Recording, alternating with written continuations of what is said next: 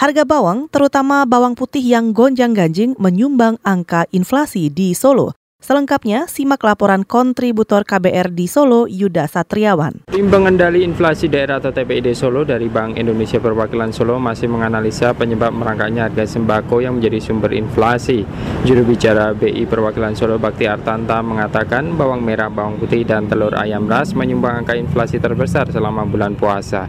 Tadi disampaikan misalnya bawang putih, Alhamdulillah sudah mulai ada impor informasinya masuk bahkan di pasar lagi sudah mulai turun mudah-mudahan di sini pun akan turun. Dan tadi udah ada gradasi harga kalau yang masih tinggi itu biasanya masih stok yang lama stok yang lama. Tapi yang stok yang baru sudah mulai 50-55 bawang merah juga udah mulai turun, turun juga gitu. Mudah-mudahan itu. Karena memang kemarin penyumbang inflasi terbesar ada lima sebenarnya yaitu bawang putih itu penyumbang terbesar ya. Terus tiket pesawat sebenarnya.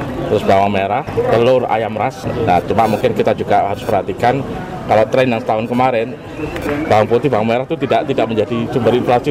Angka inflasi di Solo bulan April lalu mencapai 0,68 persen melonjak dari angka inflasi sebelumnya yang sekitar 0,29 persen. Angka inflasi bulan April tersebut melebihi presentasi inflasi di Jawa Tengah yang mencapai 0,45 persen. Demikian laporan kontributor KBR Yuda Satriawan.